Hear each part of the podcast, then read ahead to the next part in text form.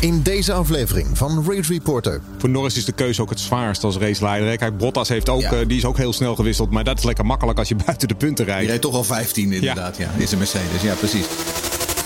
Welkom bij Race Reporter, de Formule 1 podcast. Met een nabeschouwing op de gisteren verreden Grand Prix van Rusland op het circuit van Sochi. Voor het eerst sinds Brazilië 2004 een McLaren, een Ferrari en Williams in top 3 van de kwalificatie. En Lewis Hamilton is de eerste coureur die 100 Formule 1 overwinningen behaalt. Gefeliciteerd Lewis. Wij zaten eerder op de 100 en hij hè? Ja, wij zaten eerder. Ja, we lopen nog steeds voor. Jullie zelfs eerder dan ik. Ja, ook nog, ja. Uh, het vijfde seizoen van Race Reporter, de Formule 1 podcast. Aflevering 109. Lucas Degen zonder Charles Jalving. Uh, maar wel Jeroen Demmendaal en Jeroen Scholte. Heren, stel je kort nog even voor. Ja, Jeroen Demmendaal dus. Uh, ik schrijf, ik uh, communiceer en ehm, ik kijk ook heel veel autosport, waaronder heel veel Formule 1. En ik ben de andere Jeroen Scholte. En ik, ik kijk ook heel veel autosport en ook motorsport. En ik doe dan ook podcasten. Jeroen Demmenau, ik vraag het iedere keer volgens mij. Volgas Magazine, hoe staat het daarmee? Ja, Volgas Magazine loopt als een, als een tierenlier. Uh, we, we, verkopen voor zover ik weet nog steeds. Uh, ik was onlangs in Nederland en toen zag ik dat er bij uh, um, Schiphol Plaza... dat er toch wel weer gewoon een aantal exemplaren verkocht waren. Um, en um, op 13 oktober gaan we ook nog een leuk evenement doen... op het circuitpark Zandvoort. Of nee, dat heet tegenwoordig circuit Zandvoort. Park mag je niet meer zeggen, geloof ik. En dan, dan, dan, dan, kun je meerijden met professionele coureurs rond het circuit. En daarna dan gaan een aantal van onze schrijvers... waaronder ik zelf een lezing geven van onze beste verhalen. Dus uh, dat wordt een leuk feestje. Dus als je uh, daar ook bij wil zijn, we hebben nog wat plekken over. Uh, even op de website kijken, volgasmagazine.nl. En daar kun je je aanmelden. Heel goed. Ik vind het trouwens, de het zal wel toeval zijn, maar de kleuren van ons draaiboek zijn precies dezelfde kleuren als uh, Volgas Magazine. Blauw, ja, blauw en paars. dat is geen toeval, hè? Nee, toeval dat is geen toeval. Dat is dat. Ja, precies. Goed, uh, Sochi, favoriete circuit van Jeroen Scholten. Dat was een van de leukste, misschien wel de leukste Grand Prix van Rusland die we ooit gezien hebben. Uh, regen kwam aan het einde. Waar gaan we het allemaal over hebben? Vandaag natuurlijk de waanzinnige race zelf. De honderdste zegen van Hamilton. En de schadebeperking van Max Verstappen. Uh, Jeroen Nemmerdaal, je noemde het direct al een instant klassieker. Vertel. Nou ja, uh, we hebben allemaal, hè, de, meeste mensen die naar deze podcast luisteren, die hebben natuurlijk de race gezien. Um, en, en hier zat wel werkelijk alles op en aan. En uh, je zei het net zelf al, Sochi, favoriet circuit van Jeroen Scholten. Met die houdt van betonnen bakken zonder enige vorm van karakter. Um, maar um, ja, Sochi is normaal gesproken. Eh, daar, daar zit je tijdens de wedstrijd een beetje heen en weer te sms'en met je, met je vriendjes en vriendinnetjes. Omdat er verder toch niet zoveel gebeurt. Maar hier zat alles aan. Uh, kwalificatie natuurlijk. Uh, waarbij we inderdaad hè, Norris zijn eerste pole. George Russell op P3. Max Verstappen en Leclerc en, en, en Bottas allemaal achteraan. En dan vervolgens die knotsgekke wedstrijd. met een knotsgekke finale. Um, ja, dit was absoluut een instant klassieker. Hier hebben we het over twintig jaar nog over. Tranen van Lando Norris bij een afloop bij, uh, bij Sky, volgens mij was het. Dat was ook wel even een momentje dat ik dacht, ja, het is wel echt heel sneu voor die jongen. Wat, wat vinden jullie daarvan? Is het te, te overdramatisch? Of? Nee, nee, dat vind nee. ik niet. Nee, het is zo'n jong jochie die echt uh, alles goed heeft gedaan dit weekend. Behalve de laatste zes, zeven rondjes uh, wat verkeerde beslissingen misschien heeft genomen. En het was hem gegund. En ja, helaas. En hij gaat ook wel gewoon voor de camera staan. Hè? Want ik bedoel, je kunt ook, uh, ik had het ook heel goed kunnen begrijpen als hij na zo'n wedstrijd had gezegd: Weet je wat, um, voor mij even geen interviews. Maar um, hij stond daar wel degelijk met zijn gebroken hart. Um, want dat was het wel echt. Ik had echt het idee alsof hij, alsof hij net gedumpt was door zijn vriendinnetje. Zo stond hij daar. Ja. dat is een beetje dezelfde categorie als Russell vorig jaar en Shakir natuurlijk. Ja. Die ook uh, daar alles had uh, kunnen winnen en toch weer niet. Maar de vraag is natuurlijk die iedereen zich afstelt. Is Leclerc of uh, uh, Landon Norris, heeft hij die beslissing nou zelf genomen of het team? Om bu buiten te blijven, zo laat. Zo nou, afgaande, afgaande wat er op de, mijn tv gebeurde, was het Lando Norris zelf. Want ja, volgens mij zat er iemand van McLaren aan de muur tegen hem zeggen: Lando box, Lando box. Ja. En vervolgens hoorden we uh, een schreeuw over de radio: No! Ja, shut ja, up. En dus bleef Lando buiten. Ja. Dus ja, volgens mij doet hij het helemaal zelf. En het is wel.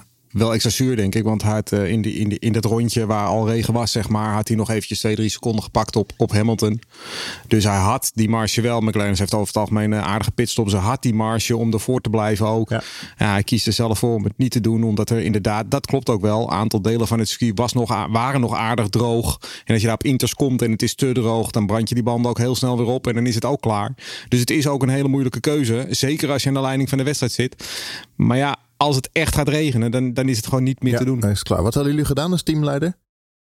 Nou ja, het punt is, kijk, ik, de, de, ik hoorde gisteren een aantal mensen zeggen van ja, Norris heeft gegokt en verloren. En toen dacht ik, ja, maar iedereen heeft gegokt. Want op dat moment, zeg maar, niemand wist wat, wat, ze moesten doen. En ja, iedereen heeft gegokt. Het enige is alleen dat uh, Norris de verkeerde gok nam. Um, maar ja, voor hetzelfde geld is het inderdaad maar een klein buitje, waait het over uh, en is hij de lachende derde. En voor Norris, is, um, voor Norris is de keuze ook het zwaarst als raceleider. Kijk, Bottas heeft ook, ja. uh, die is ook heel snel gewisseld, maar dat is lekker makkelijk als je buiten de punten rijdt. Die rijdt toch al 15 inderdaad, ja, ja een Mercedes. Ja, precies. Nou ja, en Chris van Ditshuizen die vraagt ook, hallo heren, wie was voor jullie de driver of the day? En toen dacht ik, ja, dat is een goede vraag, want uh, um, op, op afgaande op die eerste 48 ronden zou ik zeggen absoluut Lando Norris. Die echt waarschijnlijk de wedstrijd van zijn carrière reed. Maar dan daarna wel die cruciale uh, verkeerde beslissing neemt. En daarmee eigenlijk hè, uh, alles daarvoor weer teniet doet. Um, en toch um, denk ik wel dat Lando Norris uiteindelijk die titel verdient. Uh, ook op basis van wat hij op zaterdag liet zien. Um, uiteindelijk had Lando Norris hier gewoon de race moeten winnen. Maar ja, dit is topsport. En af en toe krijg je niet wat je verdient. Ja, wat vind jij Jeroen Schotten? Ja, ik kan wel leven met Norris. Ik kan ook leven als je toch zegt uh, Hamilton of als je zegt Verstappen of als je zegt Carlos Sainz die het ook goed deed. Bottas. Ik, ik, ik kan er allemaal mee leven. Nou ja, Bottas is uh, de least uh, driver of the day, denk ik. Ja, maar die had de meeste positie gewonnen. Nou ja, in de laatste paar rondes heeft hij de ja. meeste posities gewonnen. Maar in de rondes daarvoor was ook al een wedstrijd aan de, aan de gang. En toen was hij erbarmelijk slecht. ik heb hem echt nog nooit zo slecht gezien. Het was toch wel weer lachen hoe die... Het was verschrikkelijk. Hoe makkelijk Max Verstappen er voorbij kwam. Ja, nou ja, goed. We komen er later nog wel eventjes op Bottas. maar het was niet om aan te gluren. Nee. Oké, okay. nou. Vraag kregen ook nog van Richard Kuiper. Het ging dit weekend heel vaak over afstellingen voor droog weer en voor regen. Ook over regels dat je na de kwalificatie uh, niet alles meer mag wijzigen voor de race. Hoe luiden de regels hierover? Wat mag er wel en wat mag er niet? En behalve downforce, wat wil je nog meer wijzigen? Ja goed, het is eigenlijk heel simpel. De hele afstelling mag je uh, basically niet meer wijzigen. Dat heet Park Vermeer regels. Hè. Je moet na de kwalificatie eigenlijk je auto's daarin leveren. Je, je, je mag van alles doen, maar je mag niks meer veranderen. Je mag de kapper afhalen. Je mag, uh, de, de, de, je mag de sparkplugs en elektrische systemen mag je allemaal controleren. Je mag ze schoonmaken. Uh, als er iets kapot is, mag je met toestemming van de FIA mag je dat wijzigen. Daar, daarom mag je ook motorwissels doen en zo. En toch uh, onder Park Vermee regels. Uh, wat niet, het enige wat je mag doen is aan de, aan, de, aan de voorvleugel kan je wat veranderen. Maar je mag, uh, je mag hem niet uh, zelf veranderen, maar je mag hem iets bijstellen. Dus je mag iets meer downforce, iets minder downforce zetten op je voorvleugel. dat is eigenlijk alles. En voor de rest mag je gewoon niks meer aan die auto doen. Vraag ook nog van Erwin de G.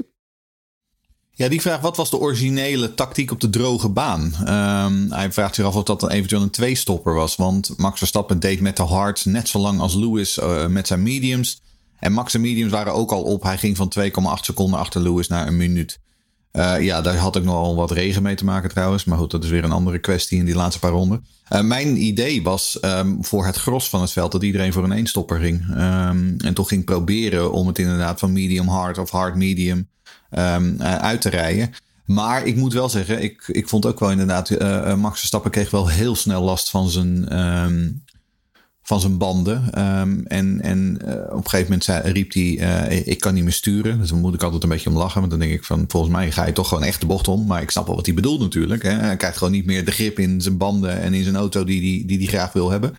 Um, dus het zou best kunnen dat hij op termijn dan uh, alsnog inderdaad op een tweestopper was overgeschakeld. Maar um, nee, het idee was volgens mij toch echt een eenstopper voor iedereen. Nee, ik zie het hier ook op Pirelli. Die had het, volgens mij zit het op, op een Twitter. Hebben ze ook een voorspelling gedaan hadden ze ook gezegd medium.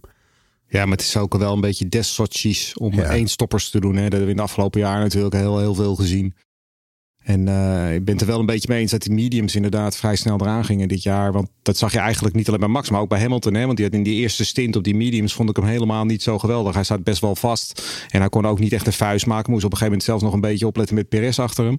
Uh, en in die tweede stint op die hards ging je eigenlijk als de brandweer. En dat was bij Max precies andersom. Die ging op die hards in de eerste stint ook heel goed. En op de mediums niet. Dus, dus die, die, mediums waren gewoon echt, uh, hadden dit weekend wel een beetje een probleem. Zeker als je vastzit achter anderen. Hè? Want dan gaat het allemaal nog wat sneller, worden ze nog wat warmer. Matthijs van Dam heeft nog een vraag gesteld ook. Vinden jullie het ook zo opvallend dat er ondanks de rare omstandigheden niemand echt met een harde klap is uitgevallen? Vooral Leclerc en Norris hebben geluk gehad. Uh, nou ja, dat vind ik niet heel erg opvallend. Omdat ik vind, en dat heb ik wel eerder gezegd, dat de huidige generatie coureurs die we hebben, is gewoon echt een geweldige generatie coureurs. En die kunnen gewoon een heel goed potje sturen. En, uh, ja, dus nee, ik, ik, ik ik, ik verwacht ook nooit zo heel veel crashes en schuivertjes van, van, van de meeste van het veld uh, tijdens de wedstrijd. En die, uh, die uitloopstoken op Sochi zijn natuurlijk ook uh, zes voetbalvelden lang. Dus je hebt voldoende ruimte om even een omweg te nemen. Ja, volgens, volgens mij wel alleen Strol gezien die zijn teamgenoot uh, een tik uitdeelde. Ja, dat was niet heel netjes. We hadden natuurlijk Leclerc die ja, bij Verstappen. Die, die had bijna het nog bij Tsunoda. Ja, Mazepin op Tsunoda zag ik nog voorbij komen. Klopt, ja. Dat was ook zo'n dingetje. En Leclerc had Verstappen niet gezien, hè? Ja. Op een bepaald moment. Dat ging ook nog maar net goed. Maar dat zijn allemaal dingetjes in... Ja, ik heb vooral met Leclerc. Dat is in een duel. Dan kan ik me wel iets bij voorstellen. Ja, nee, er zit meer vooruit te kijken inderdaad. Ja. Mercedes, de honderdste van Lewis Hamilton. Um, de GOAT. Ik heb gisteren gegoogeld pas. Ik wist echt niet wat het was. De GOAT. Waarom ja. zeggen mensen dat nou, de GOAT? Mensen is de greatest of all time. Greatest of all time. Ja, greatest of all time. Uh, Jeroen Schotten, wat maakt Hamilton zo goed? Ja, waar moet je beginnen? Ja. Dit is de man die kwam in 2007 uh, naast uh, Fernando Alonso te zitten, die op dat moment de sterkste rijder van het veld was, denk ik. En uh, hij versloeg hem meteen in zijn eerste jaar. Ja. En, en, en in alle hij rijdt nu 14, 15 jaar. In al die jaren is hij blijven winnen. En natuurlijk zeggen heel veel mensen nu van ja, hij heeft de beste auto. En dat is natuurlijk de laatste jaren zeker ook waar. Uh, maar hij heeft ook daarvoor, bijvoorbeeld als ik denk aan het jaar 2009 en zo, had hij echt geen goede auto. Won hij ook gewoon. En in de jaren met Button had hij ook niet altijd de beste auto bij McLaren. En dan won hij ook races. Weet je, dit, deze man is gewoon um, heel erg allround. We zeggen wel eens bij iemand als Bottas van kijk, Bottas is op dat circuit altijd heel goed. Maar dat is geen kwaliteit van Bottas, dat is een zwakte van Bottas. Want Hamilton is op alle circuits heel erg goed. En dat onderscheidt hem natuurlijk van de wat normalere coureurs.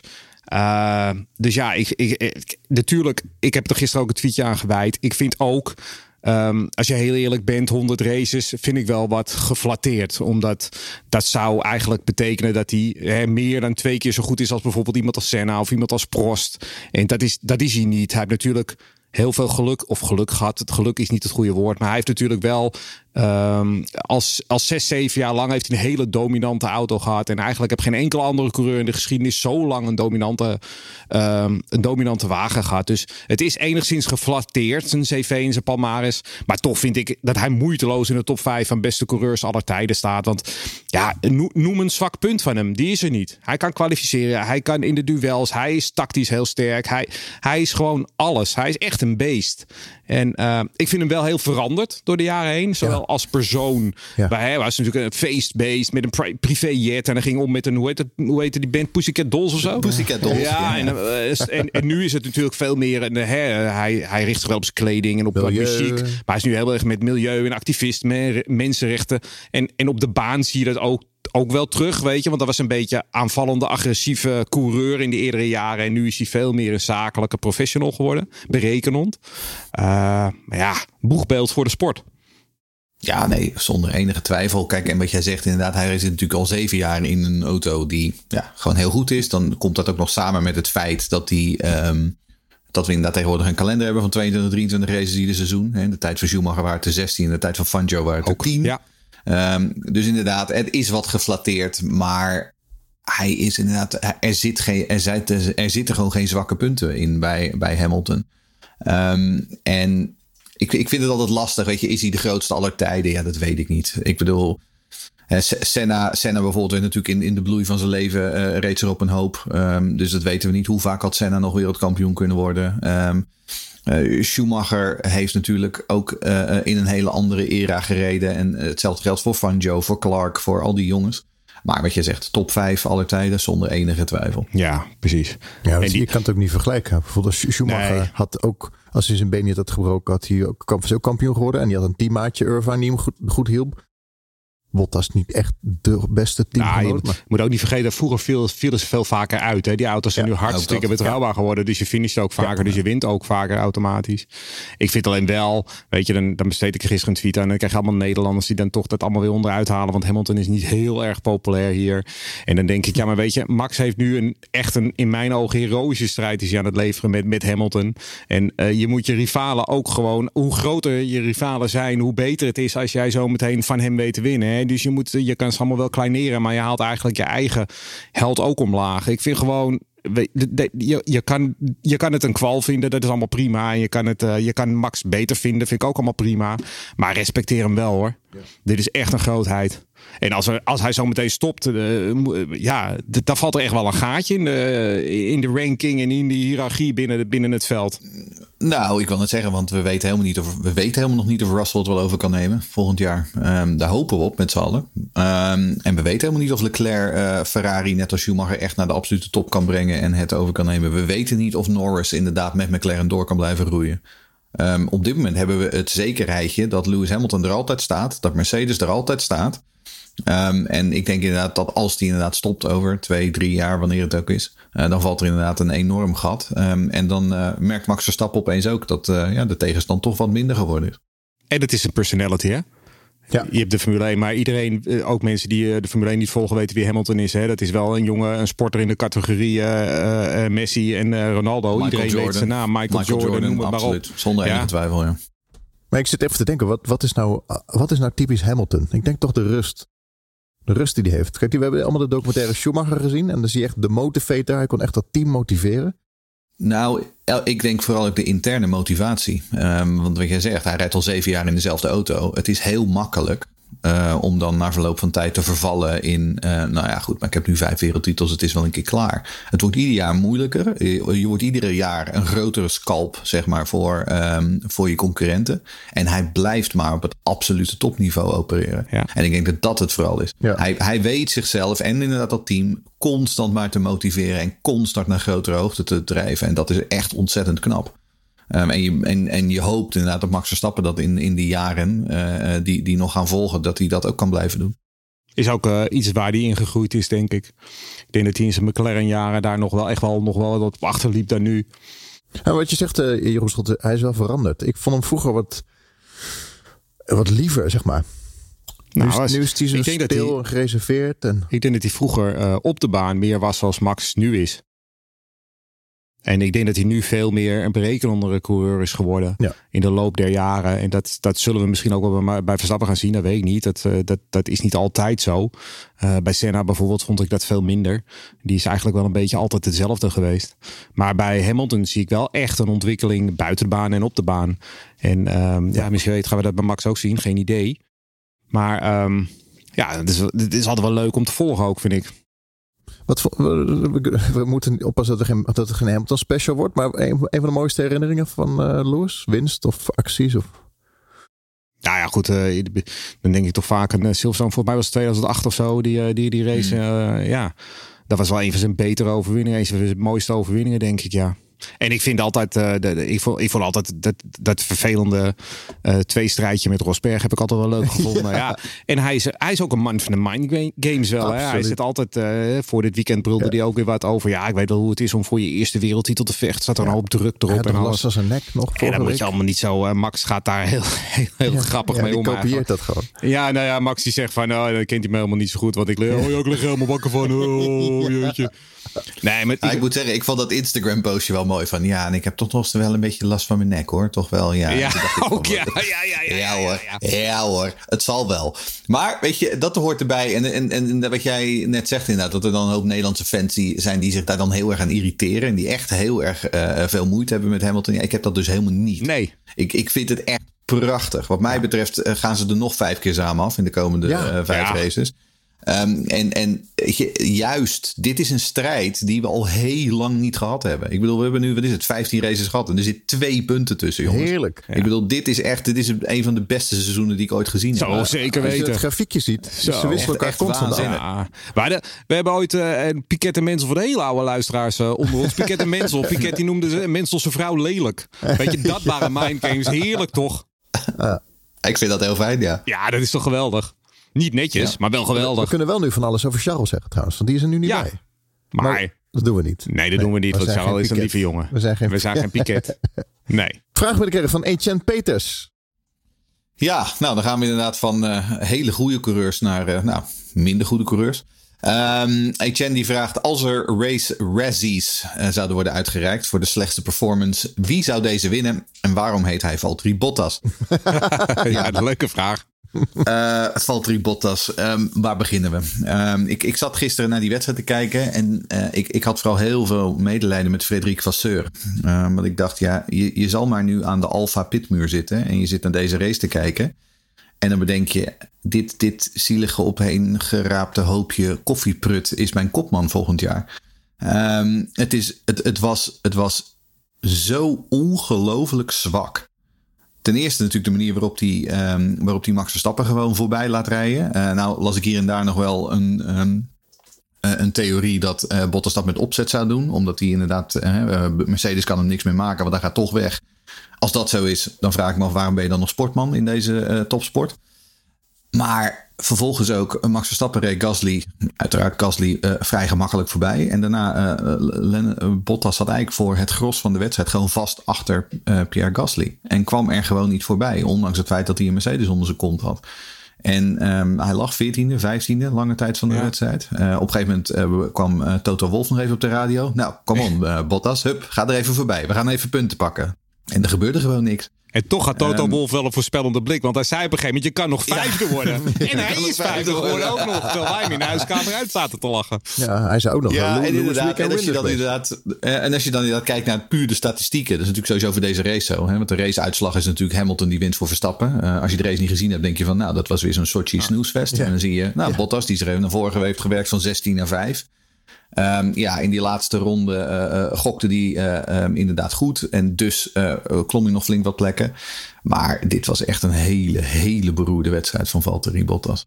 En toch denk ik, uh, Toto Wolff ontkende dat, maar toch denk ik dat dat terughalen van, uh, van uh, Bottas op de grid met de nieuwe motor, toch denk ik dat dat wel weer een tactisch foefje is geweest van Mercedes. Ik geloof niet zo in de meest betrouwbare motor dat ze nog een keer een nieuwe motor moesten hebben naar Monza. Ehm, ik, denk dat zij gewoon bang waren, want hij moest volgens mij starten als zevende of achtste. Dat Max naar voren zou rijden naar zevende of achtste, dan zou gaan pitten en hem dan zou undercutten en dus nooit opgehouden zou worden door Bottas. Zo'n zo scenario hadden ze waarschijnlijk in hun hoofd. Dat denk ik althans. En, en nu uh, was het natuurlijk zo dat hij maar vrij vroeg zou, uh, zou tegenkomen. En dan had hij misschien wat hinder kunnen hebben van Bottas. Maar ja, dan ken je Valtteri Bottas niet. Bottas houdt niet echt mensen op natuurlijk. Dus, uh, maar ik denk wel dat het een tactisch foefje was. En, en zoals de meeste tactische foefjes van Mercedes werkte het niet. Ik luister over vaak een andere Formule 1 podcast, Portradio, Patrick Moeken. En die vertelde dat het niet zomaar voor de lol dat je motor mag wisselen. Er moet wel echt een goede reden voor zijn. Ja, maar ja, goed, dat kan je natuurlijk altijd heel makkelijk. Faken, zeg je. Ja, en dat is niet zo heel moeilijk natuurlijk. Jeroen nou, je bent het helemaal eens. Dat was gewoon een trucje. Ja, absoluut. Natuurlijk ja? was het een trucje. Het okay. enige is alleen, en het werkte ongeveer drie bochten. En toen was het klaar. ja. En, dat, en dat, dacht, dat zag ik al aankomen van tevoren. Kijk, en dan zijn de mensen van ja, maar het was toch wel zeker vier ronden. Ja, natuurlijk, dat is ook al zo. Hè. Er waren natuurlijk een aantal ronden waarbij Verstappen achter Bottas zat. Maar dat was ook omdat de auto voor Bottas even DRS had. Maar op een gegeven moment komt er een moment, dan komt er een duel tussen Verstappen en Bottas. En dat is wanneer, wat mij betreft, die drie bochten gaan tellen. En het duurde echt de drie bochten. Uh, niet eens. Weet je, en dat, is, en dat is gewoon waar ze zich bij Mercedes, wat mij betreft, op misrekend hebben. Um, en, en, wat je, en wat Jeroen net ook zegt, ja, uh, je vraagt je soms af of ze hun eigen tweede rijder wel kennen. Want het, is, ja. het, het, is, het is geen verdediger. Het is nee, geen. Nee. Uh, dus, er was iemand die zei gisteren, misschien moet hij bij Arsenal tekenen als, als hij ja. zo verdedigt. En dat, dat, ik, ja, dat ik, vond dat ik wel grappig.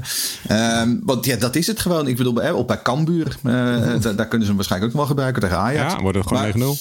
Het, is, het, het was gewoon niet goed genoeg. Um, en ik, ja, ik, ik hoop dat hij bij Alfa volgend jaar uh, de boel wat meer... Um, wat, wat, dat hij wat meer peper in de Finse reet heeft. Want uh, hij zal het nodig hebben. Ik ben wel heel benieuwd hoe ze daar volgend jaar met, uh, met Russell, hoe ze dit gaan managen. Want tegen Russell kun je volgens mij helemaal niet zeggen van ja, morgen als 16e, 17e starten we doen even een nieuwe motor in. Die ja. moet hem een beetje ophouden voor Hamilton. Ja, dat wordt leuk. Ik denk dat, dat, uh, dat je dat tegen Russell niet moet zeggen.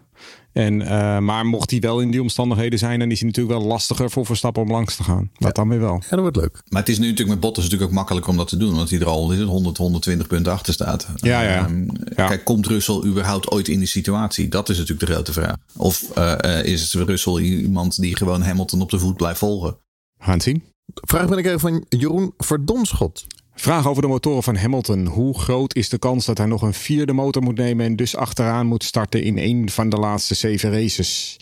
Ja, dat is natuurlijk wel een beetje de hamvraag. Uh, ik, ik de, uh, mooie woordspeling trouwens, hè? Hamvraag. Ja. ja. um, Ik denk dat het, uh, de kans wel 75% is, als je 10% wil weergeven. Ja, uh, hij heeft een nieuwe motor gekregen in Monza. Nu heeft hij Sochi gedaan. Het zijn twee hoge snelheidscircuits met deze motor. Uh, ja, deze motor moet nog wel een race of uh, vijf zeker mee kunnen gaan. daarvoor hebben we natuurlijk voor Monza hebben we 13 races gehad. Dus dan zal die twee heeft hij twee motoren in verbruikt. Eentje zal waarschijnlijk zeven, zeven races hebben meegedaan. En de tweede zes races. Waaronder Spa. Die telt eigenlijk niet echt mee natuurlijk. Want toen hebben ze nauwelijks gereden. Dus effectief vijf. Nou ja, die, zal dus, die, die tweede motor zal dus nog die laatste laatste twee races moeten doen. Uh, in theorie kan dat zeker. Maar ja, het is wel, uh, je loopt wel het risico dat je hem iets moet knijpen. En uh, dat wil je niet. Dat heeft nadelen. En het allergrootste nadeel is natuurlijk dat hè, we zitten nu met een hele spannende wereldtitelstrijd. En als uiteindelijk blijkt dat Red Bull en Max sneller zijn, dan zullen ze dat accepteren. Maar wat je als Mercedes zijn nooit wil, is dat zometeen in uh, Abu Dhabi of in het reservoir in Saudi-Arabië een grote motorplof een einde maakt aan de wereldtitelaspiraties. dus dat zullen ze willen voorkomen. En ik denk dat hun tactiek nu zal zijn, als je nu kijkt naar de komende vier races is, is afwachten. We hebben nu eerst Turkije. Uh, ja, als het daar bijvoorbeeld op zaterdag heel erg zou regenen en of Verstappen of Hamilton heeft een slechte kwalificatie, dan zullen ze meteen die motor erin hangen en dan maar van achteraf gaan beginnen. En daarna komt uh, Amerika, Mexico en Brazilië. En Brazilië is denk ik de allerlaatste race. Dat is echt, als het daarna nog steeds met deze motoren rijden, zullen ze doorgaan, denk ik. Want uh, daarna komen nog drie races. Hè. Qatar, uh, die wordt deze week bevestigd als het goed is. Saudi-Arabië en Abu Dhabi. Alle drie kan je niet inhalen. dus, dus dat gaat hem niet worden. Dus Brazilië is denk ik de laatste race waarin je motorwissel kan doen. Want daar kan je goed inhalen. Uh, en ik denk dat ze tot die tijd gewoon gaan wachten. Gebeurt er iets in de kwalificatie met of Max of Lewis. Dan gaan ze het doen. En anders is Brazilië de laatste race waarin ze het uh, kunnen gaan doen. En ik denk dat ze het wel gaan doen. Want zoals ik al zei, Mercedes wil absoluut geen motorplof in een van de laatste twee races hebben. Dat is echt de laatste manier waarop ze hem willen verliezen, die titel? Nou, ik, uh, volgens mij is het het mooiste antwoord dat ik ooit op een vraag uh, gehoord heb. Vind je dat? Ja, hoe je heel die kalender uit je hoofd kent. Ja, heb je het ook een beetje gevolgd? Of ja. was, het, was het een on, uh, onbegrijpelijke brei nee, van woorden? fantastisch. Ik vind het echt heel leerzaam. Nou ja. Sorry, kun, kun, je het nog één keer uitleggen? nou, let op. nee, ik zit echt uh, met rode oortjes te luisteren. Hartstikke goed.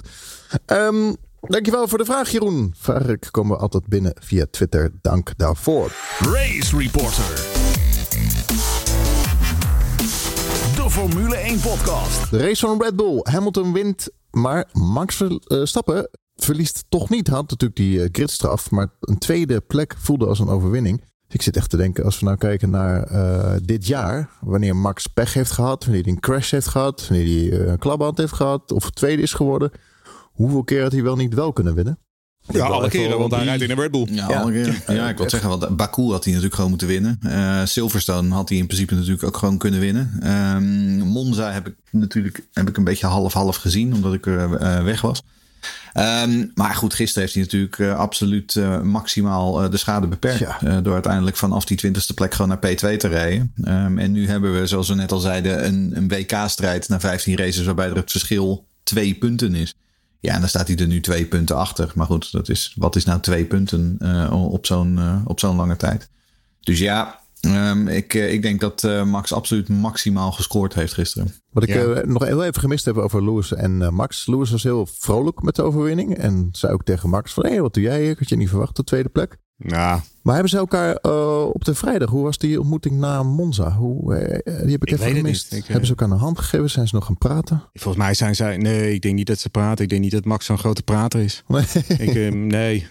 Ik, ik denk helemaal niet dat zij heel veel contact hebben met elkaar nee. uh, buiten de persconferenties eigenlijk. Oké, okay, maar, maar Lewis was in ieder geval erg verbaasd dat uh, Max tweede ja, was. Maar dat wordt ook wel wat aangedikt allemaal. Dan, dan hoor ik mensen zeggen, kijk oh die blik. Hij keek wel twee keer, hoorde ik Olaf Mol nog zeggen. Hij kijkt wel twee keer naar die Red Bull. Ja, het is echt Max. Hij had al lang over de boordradio gehoord dat Max tweede was geworden. Ja, weet je, dat wordt allemaal zo aangedikt. Dan denk ik, ja, wat denk je nou dat die gozer uit een ei komt? Dat hij geen idee heeft wie er achter hem rijdt of zo?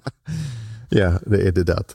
We hebben daar ook nog een vraag over gekregen van Ronald van Bakel. Uh, ja, Ronald die vraagt hoe kwam het tot Verstappen in beide stints zijn banden zo snel aan snot reed? Um, was dat misschien omdat hij te veel eiste tijdens de inhaalrace of was er iets met de afstelling? Um, en Ronald zegt dan in de eerste zin kon Perez veel langer een goed tempo aanhouden dan Max.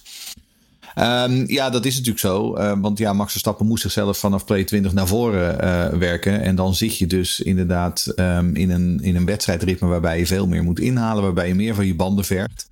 Waarbij je ook vaker dichter achter je uh, tegenligger rijdt.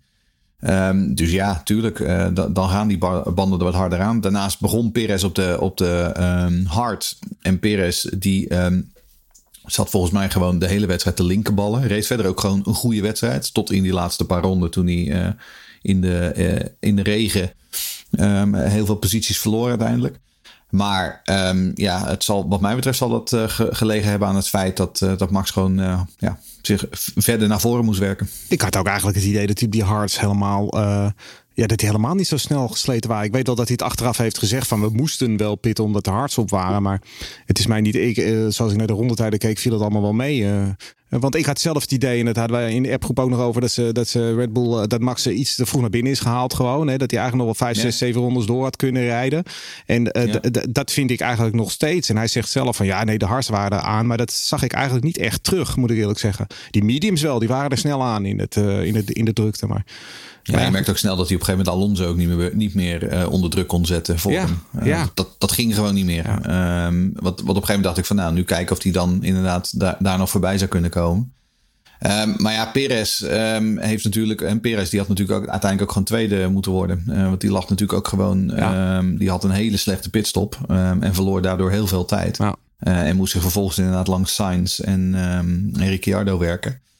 Um, maar had er natuurlijk gewoon ruim voor moeten zitten. Jeroen Schotten, jij stuurde nog een uh, tweet vandaag. Of een filmpje van een tweet dat hij in de ingang Pitstraat tegen de muur aan klapte. Perez. Ja, ja, ja dat heb, de, de, camera, de, de, regie heeft natuurlijk ontzettend veel gemist weer. Nou was het wel een beetje een excuus dat er onwijs veel gebeurde in de laatste zes rondes. Maar Perez inderdaad in de laatste ronde nog... Uh, of uh, toen hij die, uh, die pitstop maakte naar zijn inters, toen is hij inderdaad nog even in de muur geklapt. Best hard ook nog. Zo. Ik weet trouwens niet wie die regisseur was hoor, uh, in Rusland dit weekend. Ik denk dat hij uh, want, want debuteerde. Die regie was echt prut. ja. Echt volslagen prut. Ook in de Formule 2 en in de Formule 3. Ja. Het ene en het andere werd gemist. Um, het was echt niet best. Ik, Volgens mij alsof ze die gast uit Monaco weer, uh, weer binnen hadden gehaald. ik hoorde dat ze, de, de, de, ik weet niet precies de getallen, maar het was iets van de, waar de, deze race iets van 94 inhaalacties en ze hebben er 24 op tv uitgezonden. Oh echt? Ja, en daar was het natuurlijk in die laatste geteld. rondes.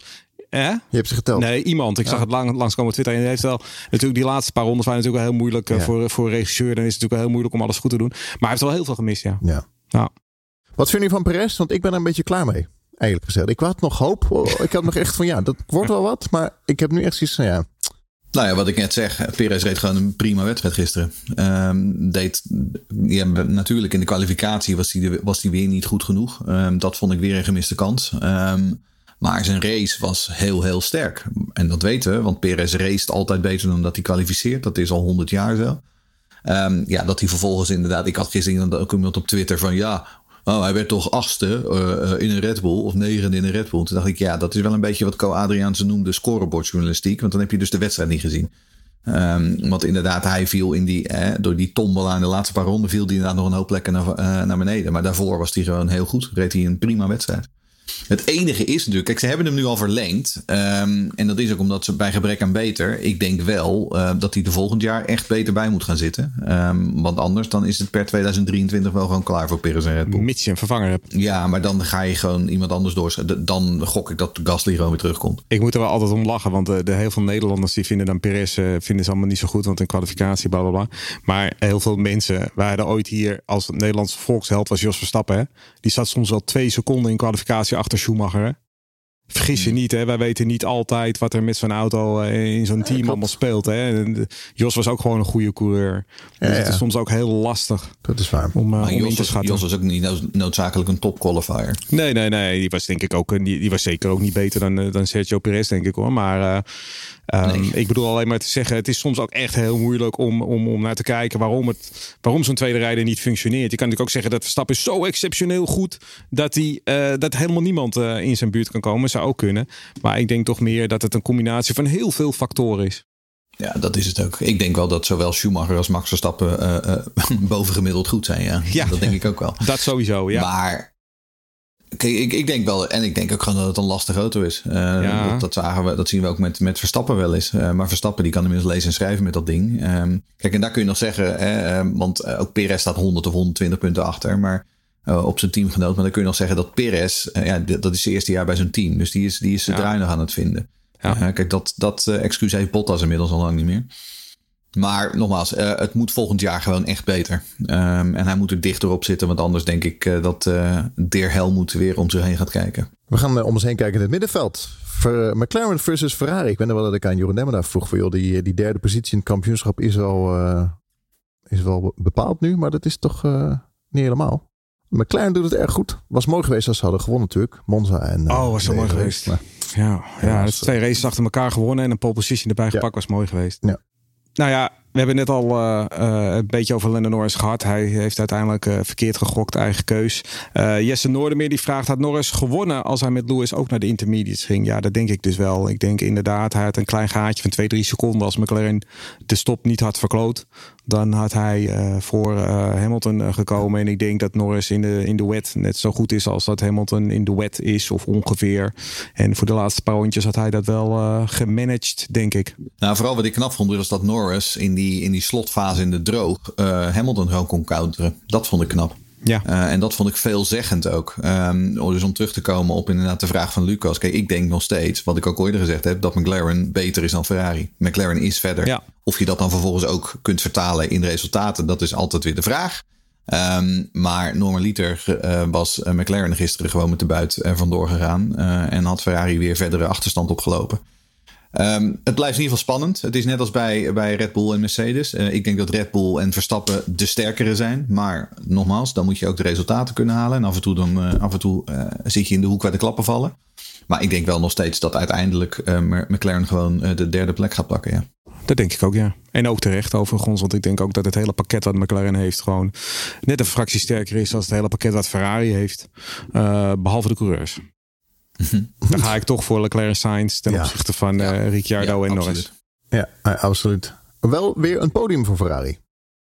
Ja, zeker. En uh, ja, ik moet ook heel eerlijk zeggen dat ik uh, na, nadat de race was afgelopen, moest ik echt eventjes kijken wie is nou precies waar geëindigd. Want ik had hem eigenlijk niet helemaal door waar Bottas en nee. Sainz en al die Leclerc, die was ineens ook weg. En dus Russell stond ineens weer op 10. Ik had echt geen idee wat er allemaal ja, gebeurd was. Russisch roulette, ja. Ja, Fernando Alonso stond ineens weer ergens. Uh, ik moest er wel even, ja, Ferrari pakt gewoon weer een podium, met vijf podium van Sainz nu. Um, ja, uh, we krijgen er ook een vraag over van, uh, van Maaike. Volgens mij is deze race wel duidelijk gebleken dat Sainz een betere allround coureur is dan Leclerc. Die het te veel van goede dagen moet hebben. Hoe zien jullie dat? Nou ja, ik zie dat totaal anders. Weet je, ik vind, ja. ik vind Sainz een hele goede, degelijke coureur. En, en dat is ook precies waarom hij moeilijk te verslaan is. Omdat hij heel degelijk is, maakt weinig fouten. Hele stabiele uh, prestaties levert hij. Maar waar het zo meteen op neerkomt als Ferrari het ooit voor elkaar krijgt om een auto uh, te verzinnen die kampioenswaardig is. Dan heb je één topcoureur nodig. En, en een echte absolute topcoureur kan twee, drie tiende voor jou uh, eruit persen. En die twee, drie tiende die ga je niet bij Sainz vandaan nee. halen. Die komen bij Leclerc vandaan. Ja. En ik ben het er wel mee eens dat Leclerc iets te veel fouten soms maakt. Uh, maar ook dan moeten we even teruggaan in de tijd. Max Verstappen een mindere Red Bull. Moet heel veel compenseren. Dan ga je sneller in de fout. En Leclerc en Ferrari is precies weer zo'n combinatie. Geef hem een topauto en hij haalt die paar extra tienden eruit. Geef hem iets mindere auto en hij wil nog steeds winnen. En dan gaat dat compenseren ergens. Zie je ook Russell en Williams. Hè? Uh, Russell die af en toe met de Williams nog wel eens in de muur eindigt. Omdat hij gewoon probeert om het extra uh, er wat uit te halen. Uh, uiteindelijk is het niet Nicolas Latifi um, die Williams op de derde plek kwalificeert. Um, nee, het is George Russell. Zowel George Russell als Charles Leclerc zijn van de buitencategorie. wat mij betreft. Ja. Um, en per, sorry, Sainz is dat niet. Perez ook niet trouwens. en Max Verstappen is dat wel. En Lewis Hamilton is dat ook.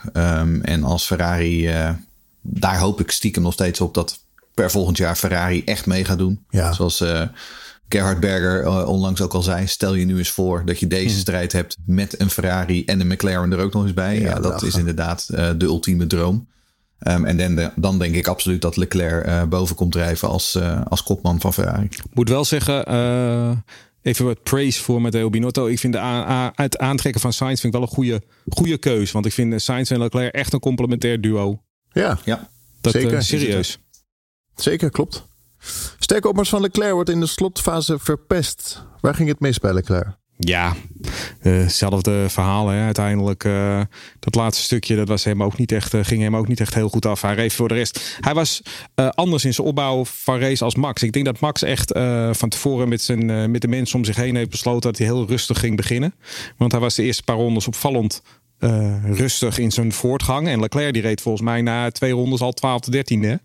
Uh, die was echt. Uh, die kan natuurlijk ook veel meer vrij uitrijden. Want een foutje voor hem is niet zo duur als een foutje voor Max.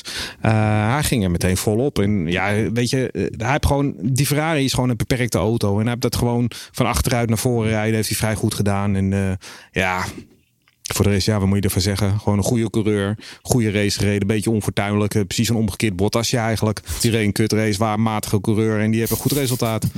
ja, die races heb je erbij helaas. Ja. Laten we trouwens niet vergeten dat Ferrari vorig jaar echt heel slecht aan toe eh, was. Hè? Dus mm, ik ben dan best wel blij dat ze nu meedoen. Ferrari? Ja. Ze, hebben ze hebben absoluut een sprong gemaakt. Ja. Zonder enige twijfel. Ik ben, ja. ben er echt wel blij om. Dus dat is goed om te zien. Unraced F1 is een grote vriend van het programma. Die heeft ook nog een vraag gesteld. Onze grote vriend Jasper, ja. Die vraagt: wat vonden jullie van Kimmy, aangezien Olaf Mol hem niet eens heeft genoemd? Ik vind een P8 in zo'n Alfa toch wel het benoemen waard. Uh, ja, Olaf Mol heeft mij ook niet genoemd. Uh, daar vond ik ook wel een beetje van te kijken. Uh, maar inderdaad, onze podcast dit, ook dit is dan wel weer. Dit is dan wel weer mooi inderdaad, dat in een wedstrijd als deze de oude Vos Kimi er weer boven komt drijven. Ehm, ik, ik moet heel eerlijk zeggen, ehm, ik zat inderdaad net als Jeroen na afloop de uitslag te bekijken. dacht ik, hey, Kimi, P8. Ja, Nou, kijk kan. Uh, maar dat heb ik ook wel eens eerder gezegd. Alfa Romeo is voor mij zo'n team waarvan ik altijd denk: oh ja, die doen ook nog mee. Um, en ik, ik heb hem gewoon niet gezien, Kimi Räikkönen. De hele wedstrijd niet. Uh, maar hij is P8 geworden. Dus ja, absoluut. Zonder twijfel het benoemen waard. En dat is bij deze gedaan. Ja. Als we het toch over oude knakkers hebben, moet ik nog wel even Fernando Alonso noemen. Ik, ik begreep dus dat die, die jongen die heeft um, bij bocht 2 daar kan je natuurlijk die, uh, die bocht kan je natuurlijk afsteken. Op een grote uitloopstrook. Ja, ja, ja, en die bordjes gezet, waar moest je tussendoor rijden. En die jongen die heeft dus tijdens de ronde naar de grid, heeft hij dat expres gedaan om te kijken hoe snel dat was. en dat bleek gewoon sneller te zijn dan de echte racelijn. Dus hij heeft in de eerste ronde, waarbij ze nooit straffen, want dan zeggen ze ja, dat is. Uh, daar heeft hij dus die bocht afgesneden. Heeft er een paar ingehaald. Volgens mij vier of vijf heeft hij er wel twee of zo teruggegeven. en, Maar dat is toch geweldig, vind ik dat. Dat vind ik zo geweldig. Ja, ik vind dat, waanzin, ja, ik vind dat echt waanzinnig. Ja, hij zei ook in de afloop dat hij op een gegeven moment nog hoopte dat hij naar een podium kon rijden. Toen dacht ik van ja, dat is wel mooi. Hij heeft het vanaf, vanaf, uh, vanaf het begin heeft hij dit helemaal uit zitten dokteren. Moet je... En dat is wel iets, en dan moet je ook, dat is iets wat een Ocon nog moet leren. Ja, ja, ja. Um, en, en daarom is het ook goed voor Ocon dat hij nu Alonso naast zich heeft. En dan moet je hopen dat hij inderdaad hier wat van opsteekt. Uh, maar je ziet wel inderdaad in dit soort omstandigheden dat dan toch Alonso wel gewoon, ook als we het hebben over buitencategorie, Alonso ja. is ook wel gewoon echt een coureur van de buitencategorie. Ik had maar, maar, maar volgend jaar, volgend jaar liggen er natuurlijk andere bordjes. Hè? Dan staat die route wel iets anders. Moet je wel iets meer een omweg nemen dan. Ja, ja, ja, ja. ja. Ik vind het wel leuk dat, dat Alonso zo terugkomt en zo opbloeit. Dat wat Vettel uh, omgekeerd heeft. Die, die ja, is ontbloeien. Ja. Alonso die uh, bloeit op, hij lacht, hij laat leuke dingen zien. Hij was aan het knokken natuurlijk ook met, uh, met Lewis. Alonso is nog steeds een klootzak. En ja. dat bedoel ik positief. En Vettel is, is bijna de vader van, van, ieder, van het hele veld geworden, weet je. en dat vind ik. Ja. Ja. Nou ja, en Vettel is wel nog steeds degene die uh, bij Aston Martin uh, de resultaten oh, zeker. heeft hè, dit seizoen. Uh, ja. Laten we wel zijn. Ja, dat is uh, overigens Aston Martin gisteren ook. Hè. Ik bedoel, hadden best aardig gekwalificeerd. Stonden allebei in de top 10 op de startgrid. En uiteindelijk die kwamen met helemaal nul punten thuis gisteren. Hij was in Zandvoort op onze meet and greet. Jawel, hij heeft ook een mok besteld. Vriend Rijn Adrichem. Ook dacht George Russell. Nee, nee. Oh, George Russell. Ja, die ja. was er ook inderdaad. Maar die was incognito. Ja. ja, Rijn die vraagt, wat vinden jullie van Russell? Um, want hij zegt, we kunnen toch wel stellen dat de Williams niet zo slecht meer is. En elke keer uh, Russell de hemel inprijzen zoals de Britse pers dat doet. Uh, dat is ook wel een keer uh, genoeg geweest nu. Um, maar reed tot de eerste pitstop gewoon vooraan mee en werd niet meteen om de oren gereden. Um, nee, dat is ook zo. Um, het is zonder, zonder, twijfel waar dat die Williams beter is. en dat zie je niet noodzakelijk aan het feit, uh, aan de prestaties van Russell, maar dat zie je vooral aan de prestaties van Nicolas Latifi, die zich af en toe gewoon redelijk in het middenveld uh, meldt. Dat betekent dat die auto gewoon makkelijker uh, te besturen is. Dat betekent dat inderdaad er gewoon meer basissnelheid in die auto zit. Maar um, ja, het is wel nog steeds, zoals ik net al zei, het is Russell die wel uh, de echte uitschieters levert in die auto. Um, en, en vooral over één ronde, dat weten we. Hij, hij heeft niet voor niets inmiddels uh, in de hele wereld, ook in die Britse pers, heet hij Mr. Saturday. Uh, want hij kan gewoon heel goed kwalificeren. Maar dan zie je wel vervolgens in een race als gisteren dat gewoon, ja, de echte race pace, die hebben ze gewoon niet. En dan, dan houdt hij het heel lang houdt hij het vol. En vervolgens gaat hij naar binnen. Ja, en dan uh, nadat iedereen zijn pitstop heeft gemaakt, ja, dan ligt hij opeens negende, tiende, elfde. Op een gegeven moment dacht ik nog van het, het zal toch niet zo zijn dat hij net weer buiten de punten valt. Um, maar goed, uiteindelijk heeft hij er toch nog een paar weten te sprokkelen. Maar het is zonder twijfel waar. Um, de Williams is dit seizoen ja. um, echt een stuk beter dan, uh, dan in voorgaande jaren. Maar ze krijgen natuurlijk volgend jaar wel last dat uh, Albon daar Russell gaat vervangen. Want Albon, dan doe je wel een jasje uit. Hè? Met alle respect ja, voor Albon. Dat, dat, lijkt me wel, ja. Ja, doe je wel een ze, ze, gaan er absoluut op achteruit, ja. ja. Zonde, want ze gaan net zo lekker. Maar goed, was wel leuk om te zien, de start van de wedstrijd. Zie je, oh, Ferrari, Williams, McLaren, die de eerste bocht in. Dat was alweer like the old days, 2004. Ja, ik had eigenlijk gehoopt dat hij toch, maar hij viel toch wel vrij snel alweer ja. terug. Ik had eigenlijk gehoopt met die Mercedes motor dat hij toch wat meer een uh, rol zou kunnen spelen, maar helaas. Ja, dat is jammer. Race Reporter, de Formule 1 podcast. Lewis staat weer bovenaan. Met nog zes à zeven races. Zeven. Nog zeven. Nog. Ja, komt, er, komt er nog eentje bij dus. Nou ja, goed, de, de, de, ja deze is natuurlijk wat weggevallen. Ja. ja. spannend hoor. Qatar moet nog komen inderdaad, ja. Nick van Ruiven. Ja, Nick van Ruiven die wil weten, is Max voor jullie nu de favoriet voor de titel? Um, nou ja, dat is die voor mij het hele seizoen al. Ja. Um, ik, ik, ik ben ervan overtuigd dat dit het jaar wordt. Um, ik moet ook zeggen dat af en toe gedurende het verloop van dit seizoen uh, dat geloof wel een beetje gewaaid heeft. Um, dat ik dacht van het zal toch niet dat het weer uh, allemaal in elkaar stort als een kaartenhuis. Maar ja, ik denk nog steeds dat uh, dit de titel is die uh, Red Bull en Max Verstappen kunnen verliezen. It's theirs to lose. Ja. ja, en overal denk ik gewoon dat de circuits die er aankomen op Abu Dhabi na allemaal in het voordeel van, van Red Bull zijn. En dan loopt Toto Wolff vandaag weer stoer te roepen dat Turkije echt een circuit voor hen is. Maar ja, Toto Wolff die zei dat ook over Zandvoort, zeg maar. Ik geloof Toto Wolff nooit zo. Nee. Um, en Toto Wolff zei ook ooit nog eens dat ze het heel zwaar zouden krijgen in Melbourne. En vervolgens reden ze seconden sneller ja, iedereen. precies. iedereen dus. Nee, daarom, dat is, allemaal, dat is allemaal bullshit. Dus ik denk gewoon de meeste circuits zijn in het voordeel van, uh, van Max. En ik, uh, ik heb er alle vertrouwen in dat Max dit ook gaat winnen nog steeds. Alleen ik vind wel, als je, ik las toevallig uh, die, die, hoe heet die jongen? Sean Kelly, die, die, die virtual statman op internet. Die zei dat van Monaco 84, hè, toen die race afgebroken werd door, door uh, Prost won voor Senna, maar kreeg een half puntje omdat die race voortijdig werd afgevlacht. Dat is hem uiteindelijk fataal geworden in de wereldtitelstrijd. Want als hij gewoon uh, tweede was geworden achter Senna met volledige punten, dan had hij gewoon wereldkampioen geweest op het eind van de strijd. En dat is nu eigenlijk, nu zie je het eigenlijk ook wel een beetje. Dat ik denk, dit is wel. Kijk, als het gewoon niet geregeld had, en dan was Hamilton waarschijnlijk gewoon tweede geworden en Verstappen zevende, dan had hij gewoon veel meer uh, punten nog uh, gepakt. En Ja. dat, Ja. Dit is een wereldtitelstrijd. Die gaat op een enkel puntje. Kan die wel eens beslist gaan worden. Als, als niemand echt uit gaat vallen. En dan, dan kunnen dit soort dingen. Dit kan echt. uh, we kunnen in december terugkijken op deze wedstrijd. Zeggen we dit was cruciaal. Ja. Die motorwissel en Ja, toch maar dat, tweede is, worden. maar dat is natuurlijk, dat is natuurlijk hè, van alle tijden zo. Want ik bedoel, als Max Verstappen gewoon had gewonnen in Baku en die achterband was heel gebleven, ehm, Ja, ja, dan ja. had hij er ook gewoon al ruimer voor gestaan. Ehm, ja, dat, je, je hebt gewoon gedurende zo'n seizoen- ups en downs. Maar het Ja. is maar heel weinig zo dat je na afloop denkt van ja, maar de verkeerde man is nu wereldkampioen geworden. Nee, Vooral nooit. Als je inderdaad 22 races rijdt. Ehm, weet je, Nooit. Nee. De beste Nee. gaat gewoon kampioen, gaat gewoon Ja. kampioen worden. Ja. Ehm, Ik zat wel en te, ik denk dat het Max Verstappen wordt, ja. ik zat wel te, te denken tijdens de race. Dat ik heel even zo'n momentje van wat nou als dit de laatste race was? Waar hadden Nou, we dan... dan uh, was hij niet Nee, wereldkampioen. dat weet ik. Maar, dan hadden we, hadden we, dat- maar dan, wat hadden we dan gezegd? Nou, waar daar had hij waar ook niet- heeft Max het verloren? Daar had hij ook niet Was zijn motor de gewisseld. Dan was het een hele Nee, dat anders. snap ik. eh, Maar dan, toen was wel de Ja, maar vraag, dan waar was, heeft hij nou, het... dan waar? Nou ja, Silverstone natuurlijk. Dan was Silverstone natuurlijk een Ja. veel groter discussiepunt geworden nog. En nog veel groter dan het al was. Ja. Ehm, want ik bedoel, dat is natuurlijk... eh, dat is het enige echte smetje op het seizoen. Ik bedoel, ik heb Monza, daar, ik- daar, kan, daar heb ik echt vrede mee. Ik bedoel, dat hoort er gewoon een beetje bij. Eh, vooral ook omdat ze er allebei natuurlijk naast eindigden. Maar eh, Silverstone, ja, dat laten we nog steeds wel een, een, een nare eh, smaak achter in de mond. Ja, maar uh, ik vind ook Hongarije. Met, met Bottas, uh, Bottas die hem er dan af heeft getikt. Per ongeluk Ja, hoor, per ja, ongeluk. ja, ik bedoel, ja. dat, daar Ja. kan die jongen niks aan doen. Maar het is wel ook echt heel zuur dat het uitgerekend een Mercedes is natuurlijk die dat doet. Uh, maar ja, goed, als je gewoon ook basically kijkt, weet je, Max wint meer races, pakt veel meer pole positions. Uh, het is, wat, wat, wat Jeroen zegt, het is uh, his race to lose eigenlijk uh, qua WK.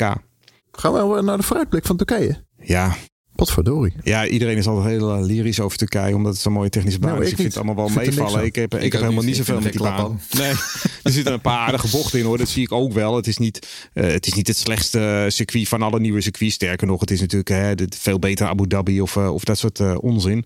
Maar ja, ik heb niet zoveel met Turkije. Dus ik heb ook niet zoveel herinneringen eraan. Ik weet van vorig jaar was een leuke race. Maar ja, regent. Ja, als het regent is iedere race Ja. leuk. Dus ja, weet je. Monaco ik- ook leuk. Ja, Abu Dhabi ook, alleen daar regelt het nooit. Maar ja, als het daar zou regenen, heb je ook een mooie wedstrijd. Ja. Ik, ik heb er niet veel mee. Uh, ik vind het prima dat hij erbij is. Uh, we, we, gaan het allemaal zien. Ik verwacht, wat ik eerder al zei, dat Red Bull daar, uh, daar echt wel sterk zal kunnen zijn. Het is een hele technische baan. En dat, is, dat ligt Red Bull wel. Veel downforce, veel hoge snelheidsbochten. ja, ik... Ik heb maar één herinnering. Dat is dat, die clash tussen Vettel en Webber.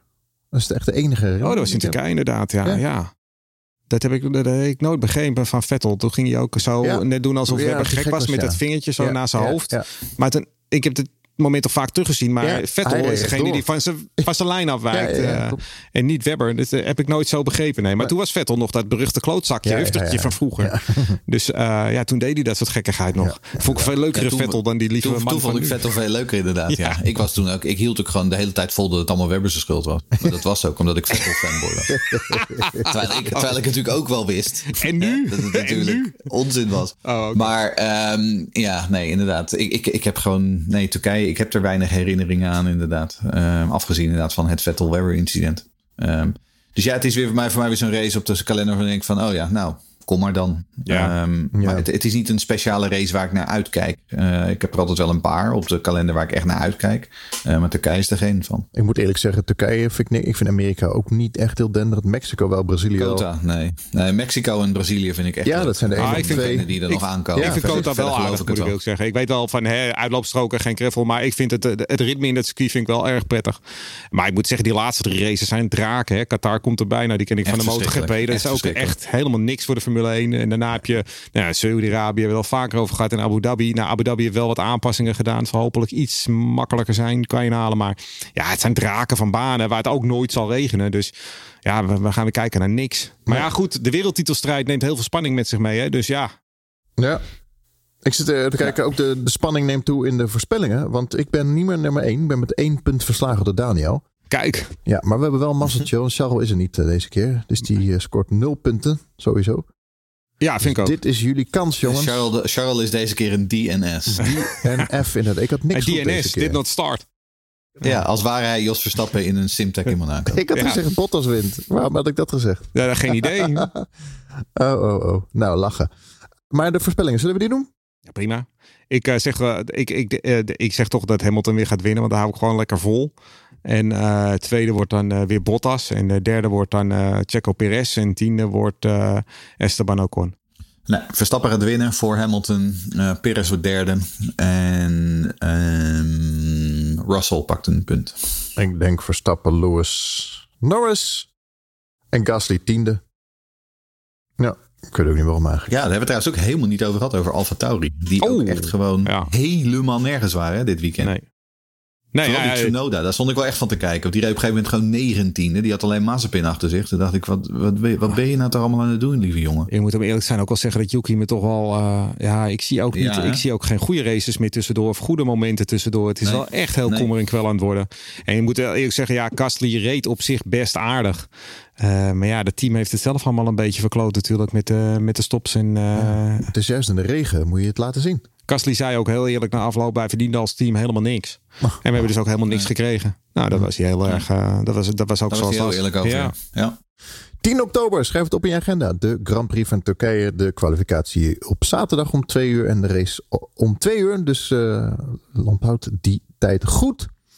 Um, dat was hem, ja de raceverslag van de Russische Grand Prix. De grote vraag is natuurlijk voor de Turkse Grand Prix: zal Charles Jalving zijn comeback maken? Who knows? Ja, we hopen het wel natuurlijk. We houden het in de gaten. Ja. Heren, dank jullie wel. Graag gedaan. Graag gedaan. Ciao. Hey. Ik, ik moet zeggen, ik vond het wel lekker rustig. Zo ja, ja, dat is ook wel weer zo, ja. We hebben veel meer spreektijd gekregen en er komt er veel zinnigers uh, uit. Ja, van met Charles.